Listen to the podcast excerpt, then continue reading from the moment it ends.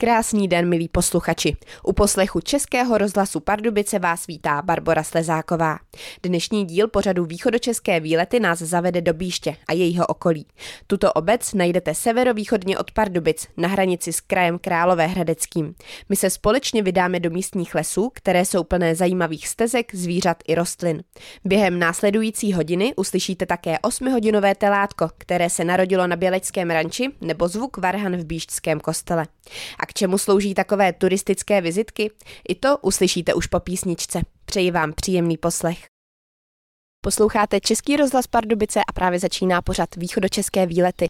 Tentokrát vysíláme z Bíště a okolí. Momentálně tady sedíme před Mazurovou chalupou s ředitelem městských lesů Milanem Zerzánem. Můžete nám říct, jak je vlastně stará tahle chalupa? To místo je hodně staré, ta chalupa se třikrát obnovovala. Je to zhruba z roku 1850, kdy tady byla zaznamenána první stavba. Toto místo sloužilo jako milická obec a pálilo se zde dřevěné uhlí, které se vozilo do Hradce Králové. Takže to byl základ místních obcí a potom člověk, který vlastně proto se jmenuje Mazurova chalupa, že zde bydlel pan Mazura, tak jeho generace potom se odstěhovala do Bíště a Hoděšovic a v Hoděšovicích byl starostou obce pan Mazura. Tato chalupa má číslo popisné 9, tak jak to tady dřív bylo veliké?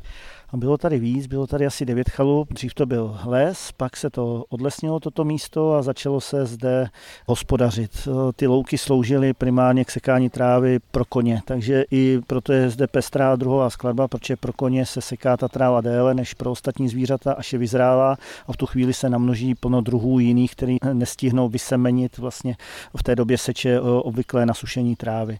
Takže byly zde vyznačeny hranice, bylo zde devět baráků a každý měl měl svoje políčko a hranice těch polí byl vyznačeny výsadbou jalovců, takže do dneška jsou zde jalovce a ohraničovali vlastně jednotlivé místa, kde ty chalupy měly svoje políčka. Dnes tu stojí už ale jen jedna chalupa. Jedna se obnovuje, my jsme obnovili v roce 2008 eh, tuto chalupu. Byla vlastně z dřívější doby zde dřevostavba, která byla sežraná dřevomorkou, neměla připojení na sítě a za socialismu byla pronajata mysliveckému združení, které zde měli zázemí a pořádali zde nějaké akce, bylo zde nějaké zázemí a vyhořel třeba i seník tady okolo. Eh, víme, že to trošku jako zdemolovali. Takže proto jsme přišli k tomu, že to je krásné kouzelné místo, má to genus loci toho místa tady nejenom ty louky, ale i to místo klidné v lese, slyšíte ty ptáky a další. Takže se nám to tady líbilo a, a vrátili jsme se k tomu, že to místo zachováme a bude zde takové centrum pro lidi a nabízíme i veřejnosti možnost vlastně si pronajmout tu chalupu a mít zde třeba svatební obřad. On vlastně ten název může mást, protože se to tady jmenuje Mazurovy chalupy, ale opravdu tady stojí jenom jedna. Plánujete třeba do budoucna tady ještě to rozšířit? To ani nejde. Vlastně je to chráněná rezervace dneska kvůli tomu, že zde jsou stavačové louky a různé druhy chráněných živočichů. Bylo zde vyhlášeno teda přírodní rezervace, nejvýše chráněné místo, co máme zde v lesích a ta chalupa je zde oddělena vlastně a tolerována de facto v té lokalitě. Měli jsme kdysi vyříkávání právě s ochranou přírody, že sem směrujeme lidi, nebo je zde i stánek s občerstvením a došli jsme ke kompromisu, že právě tím, že ty lidi sem směrujeme, tak o to méně bude ta lokalita poškozovaná a jde o to prezentovat i ty věci, které zde rostou a slouží k naučné funkci vlastně. Pokud sem tedy návštěvníci přijdou, uvidí tady krásnou chatu, jaké jsou tady místa, které byste doporučil v okolí? Když jsem nastoupil, teď už je to 12. rokem, budu zde ve vedoucí funkci, tak první co, tak jsem chtěl vyrobit, navazujeme na město, tak ty lesy no, mají potenciál potenciál být jako zázemím pro lidi, kde slouží k odpočinku, takže jsou to rekreační lesy. A rekreační lesy chcete lidi směrovat a naučit je někde chodit a mít je pod dozorem.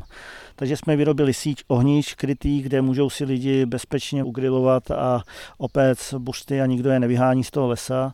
Druhý eh, jsme udělali eh, síť stezek naučných anebo i pohádkových, tak tady z Mazurových chalupy vlastně vychází pohádková stezka směrem eh, k výskytu, kde ty lidé zase můžou to ohniště posedět a je to krásné místo, které bych doporučil a je to procházka pro ty rodiny s dětma. Pak máme zde i naučné věci, jako jsou obory. Udělali jsme zde místa, aby jsme lidem ukázali, že zde žijí zvířata v lesích, ale ten člověk, když jde po lese, vytváří hluch, je cítit a ty zvířata nevidí. A odposlouchával jsem různě rozhovory a ty lidi říkali, že žádný zvířata tady nejsou. Tak jsme jim chtěli ukázat, že ne a když se budou chovat tiše, tak, tak je uvidí. A i tak vznikla stezka Mimiker, protože každý zvíře vlastně se maskuje a nemá potřebu se s náma setkávat. Takže se snažíme i naučnou formou i působit na městské lidi, děti, aby nenechávali odpadky v lese, aby poznali ty zvířata. No a jaké zvířata tu tedy můžeme potkat a jaké třeba i vzácné druhy, tak to si řekneme už po písničce. Posloucháte Český rozhlas Pardubice a vysíláme pořad východočeské výlety. Momentálně sedíme před Mazurovými chalupami, což je nejen opravdu skutečná chalupa, ale říká se tady i celé oblasti, přírodní rezervaci. Ředitel městských lesů Milan Zerzán je tu se mnou. Můžete nám nějak popsat tu přírodu kolem nás? Je to úžasné místo a těch luk v lesích moc nemáme. A tohle je součást vlastně toho komplexu městských lesů, které máme 4000 hektarů a chráněných lokalit je zde zhruba okolo 70 hektarů. Takže je to pro nás takový bombónek v tom lese, kde my můžeme trošku jinak eh, se chovat než v celém jiném okolí.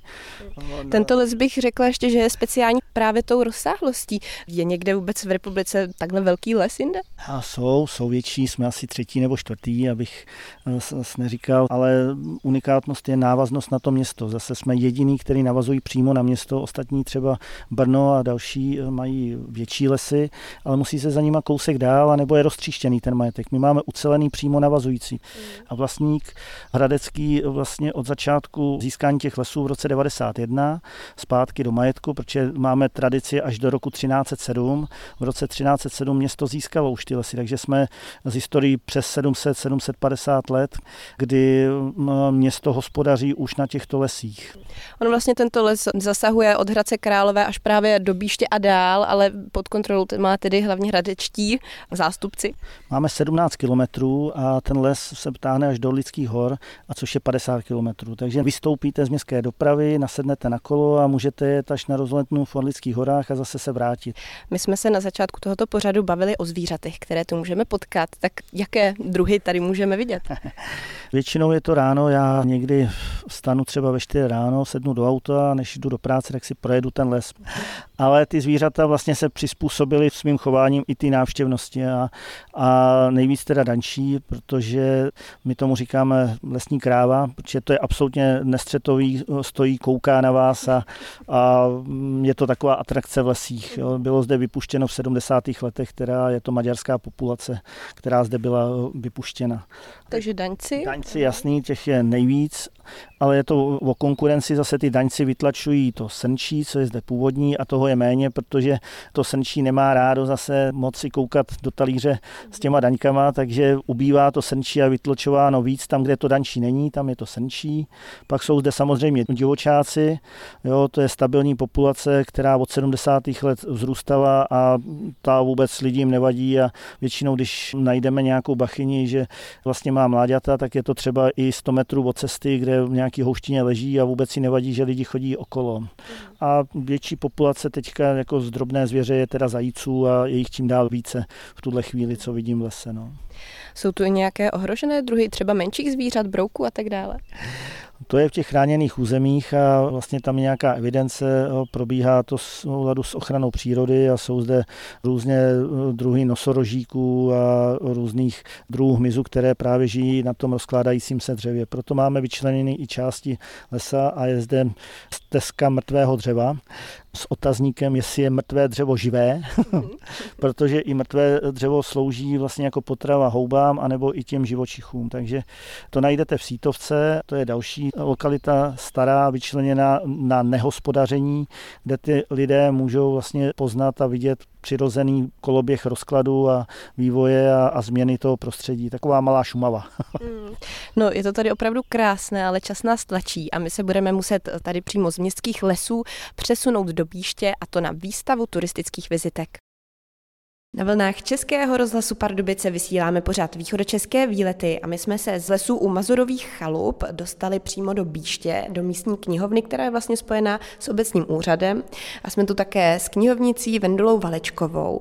A právě tady koukáme na výstavu turistických vizitek. Tak co to jsou vlastně ty turistické vizitky? Tak turistické vizitky jsou takové samolepky, které vlastně sbírají lidé jako vzpomínku ze svých cest. Lepí si je do turistických deníčků, někteří jich mají už strašně moc. Máme tady pána, který měl třeba 40. deník, což už opravdu, když si vezmete, že tam se vejde 100 samolepek, takže už je to dost navštívených míst.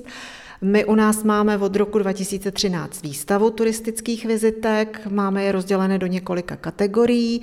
Na vernisáži v tom roce 2013 tady byl i pan inženýr Ropek, který vlastně je zakladatelem této sběratelské atrakce. Navštěvují tady lidé z širokého okolí, jezdí sem pro vizitky, protože i jako naše obec má několik vizitek, takže tím pádem je tady spoustu návštěvníků v naší obci. A vy jich tady máte kolik na výstavě? Je tady 17 panelů po 100 vizitkách, takže 1700 vizitek. A tady máte velkou mapu a tady jsou nalepené vizitky z různých míst.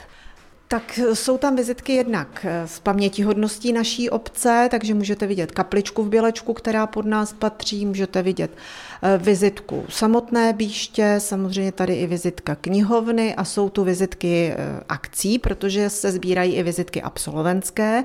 U takových akcí, kde, kde chceme podpořit tu turistiku, tak se vydá vždycky vizitka. Máme samozřejmě absolventskou vizitku i této výstavy. Ta je tady.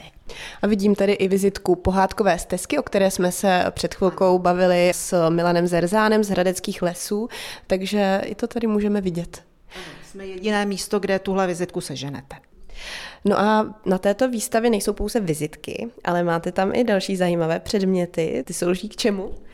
My vlastně každé léto se snažíme tu výstavu nějak jako zpestřit, takže děláme vždycky tematickou výstavku k tomu jako doprovodnou, ale to jsme teda u moře.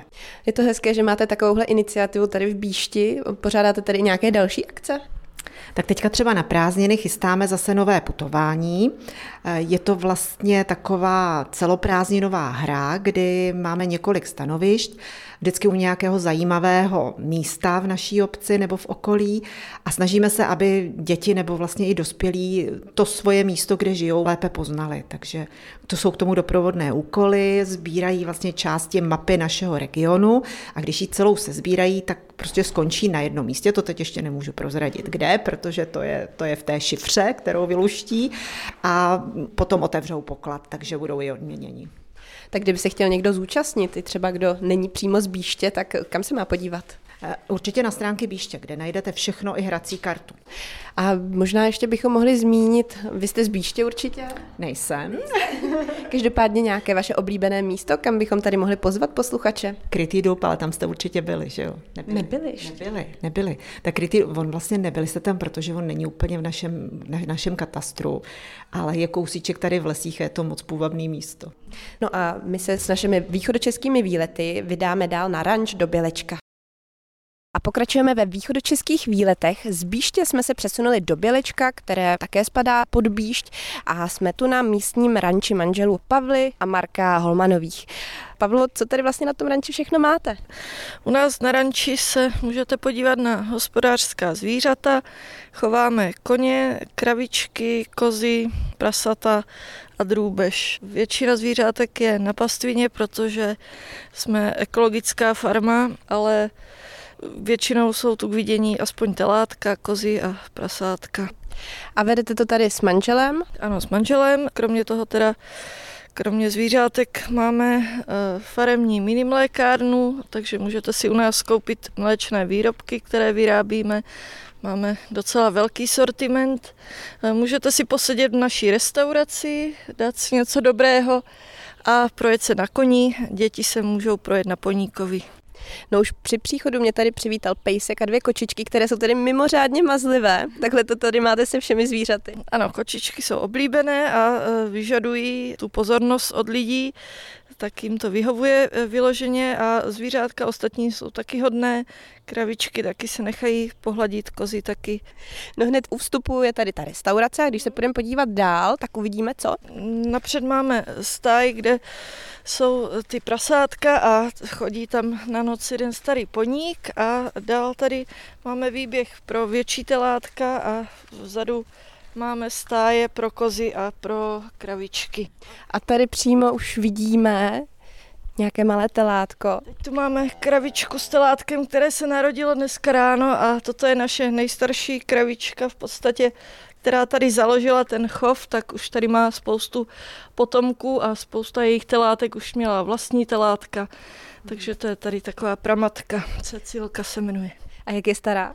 No, myslím tak 12 let je, to je už docela dost na kravičku. Hmm. Kolik ti se tak dožívají? Tak eh, to v podstatě není asi zjištěné, protože kravičky většinou, co se chovají v kravínech, tak se porazí dřív, než, než prostě je potřeba, než by přirozeně zemřeli, takže těžko říct, no, myslím si tak 20 třeba jako kůň asi jo. Vy tady máte kravičky hlavně na mléko. Uh-huh, ano, máme mléčné plemeno Jersey, které má výborné mléko a má ho hodně tučné, takže je v něm hodně smetany. A toto tele je tedy dnes čerstvě narozené? No, dneska ráno se narodila, je to holčička, takže si ji necháme a zase bude mít jedno vlastní telátko taky. A jak často se vám tady takhle rodí nová telátka? No, čím dál častěji, protože ten chov pořád rozšiřujeme, takže teď je to asi 8 telátek za rok. A máte to takhle i s koňmi? Ne, koně nerozmnožujeme. Máme vykastrované valachy, takže hříbátka nemáme. A kolik konňů tady máte? Máme teď 10 koní. A kraviček? Kraviček máme nějakých 15.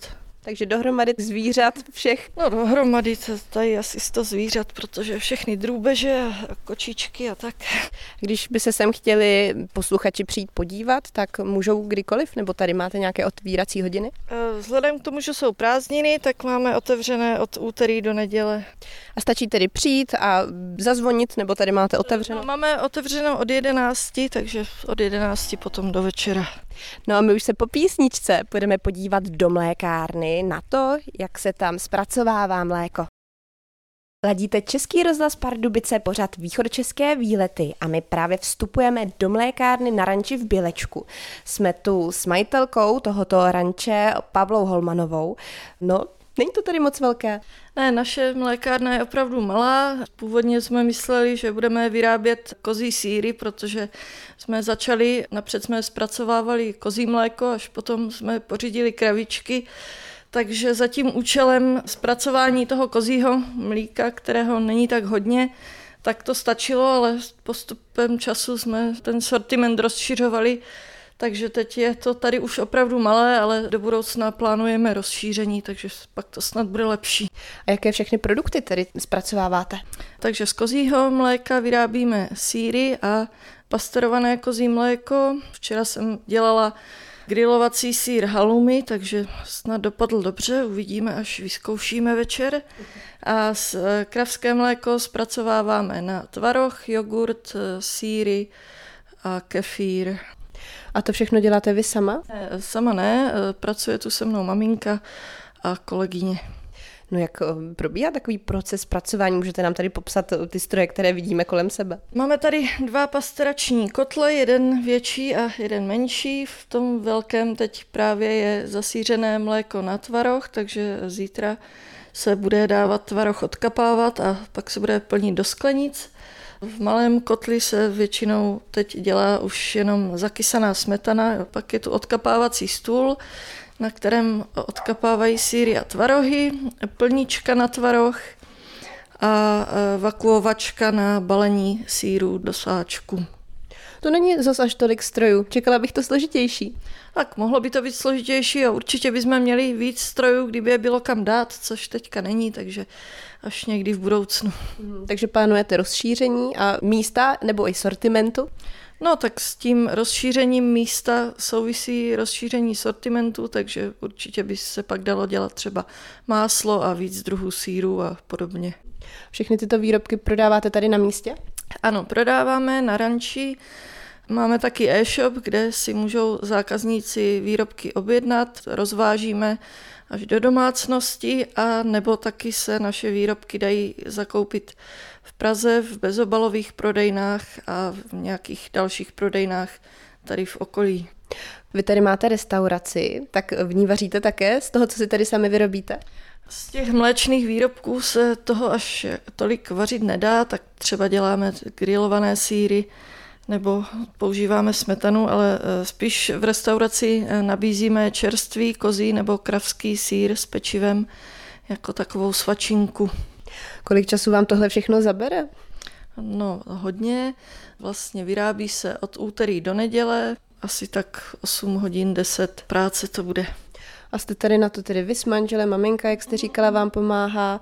A to je všechno? Přijde mi to málo lidí na tolik práce. No eh, samozřejmě eh, pak ještě pan řidič, který rozváží výrobky a kolega, který se stará o zvířátka a dojí, takže nejsme to teda jenom my tři. Vy tady jste asi spokojení s manželem, byl to váš sen, nebo jak jste se tady k tomu vlastně dostali? Eh, manžel teda ten ranč vybudoval s první manželkou a já jsem se sem dostala tak, že když mě přestala bavit a naplňovat práce v kanceláři, tak jsem hledala nějakou příležitost, jak se dostat ke zvířátkům, tak jsem to zkoušela jako dobrovolník, protože jsem neměla žádné zkušenosti. No a tak jsem se dostala sem a už jsem tady zůstala. Tak já vám přeju, aby se vám tady moc dařilo i dál a určitě se někdy zastavím ochutnat tady vaše místní výrobky a doufám, že třeba i posluchači. Budeme rádi, rádi vás tady všechny uvidíme. No a s východočeskými výlety se přesuneme zpátky do Bíště a to do místního kostela, kde právě probíhá mše. Z kostela svatého Jiřího v Bíšti vysíláme dnešní východočeské výlety. Jsme tu také s varhaníkem Petrem Borským. On ten kostelík eh, z cesty skoro ani není vidět, eh, je v podstatě zarostlý stromy. Chodí sem lidé? Nejvíc v neděli to i když jako to už dneska skoro není pravda, ale bývalo i přes 50 lidí v neděli. Dnes to bývá tak těch 40 občas se lidem nechce, no tak to pak podle toho vypadá. Kostelík je krásně opravený. To už je pár let, co je hezky opravený. Je tady spousta věcí, z každého kouta kouká práce, která by byla potřeba. Jak se říká práce jako na kostele. A jinak tento kostel tu stojí jak dlouho? Tento kostel tady nestojí dlouho. Ten byl postaven v roce 1811 ale eh, z té doby se jeho podoba nezachovala, protože o 11 let později vyhořel nešťastnou náhodou. Snad někde v černé kuchyni nějaká hospodyníka něco někde neuhlídala, vylétla jiskra, schořela jedna chalupa, schořely další chalupy a přeskočilo to až na kostel, takže ten kostel z něj zůstaly podle všeho stát jen obvodové zdi rozstavily se zvony, předpokládá se, že tady byl nějaký pozitiv, eh, možná ještě barokní jako varhany a ty samozřejmě zmizely bez stopy. Takže to je taková trošku smutná historie, ale zas dobré na tom bylo, že ty obvodové zdi zůstaly stát, protože farníci během snad necelého roku ten kostel znova postavili a eh, vlastně už eh, v roce 1823 se znova posvětil. Hned při vstupu mě tady zaujal ten nádherný oltář, to je taková hlavní dominanta. Dřív tomu tak bylo, od eh, doby liturgické reformy by hlavní dominantou měl být ten nenápadný obětní stůl, který vlastně dnes slouží za oltář. Ale vlastně do dneška eh, naštěstí ty oltáře původní v mnoha kostelích zůstaly a tak alespoň zdobí v době liturgické reformy se tady vlastně lecos odsud docela necitlivě vyházelo. Eh, jak vidíte, nemáme tu kazatelnou, místo ní je tam ten moderní kříž. Zmizely mřížky. Někdo si pochvaluje, že ten kostel je takový světlý a vzdušný. Eh, někomu zas připadá takový vyprázdněný. Je to asi na každém. Ale co je tady vaší hlavní doménou, tak to jsou varhany. Ty najdeme nahoře? Samozřejmě nahoře říkáme spíš na kůru. A to jsou varhany, které byly postaveny v roce 1833 nebo 1834. Nikdy si to nemůžu zapamatovat. Postavil je eh, varhanář eh, Josef Jiruška A ty nejdůležitější části těch varhan jsou původní. Ty varhany byly v průběhu času mnohokrát opravovány, Naposledy velká oprava se rozjela v roce 2016, kdy se podařilo vyměnit mnoho dřevěných píšťal, možná dvě třetiny jsou vlastně repliky a jsou udělaný velmi pěkně. Dřív tam prostě, co pamatuju, tak eh, vlastně spousta těch píšťal nehrála nebo nasazovala pomalu a mnoho skladeb na to vůbec nešlo zahrát. Pojďte nám je ukázat. První budu vymetat paučiny, už No a tady na kůru je to mnohem prostornější, než jsem čekala. No na to, kdyby tady měli zpívat nějaký větší sbory, jako když jsme měli eh, nedávno se podařilo uspořádat tady koncert chrudímského sboru Salvátor, tak eh, jich byl plný kůr.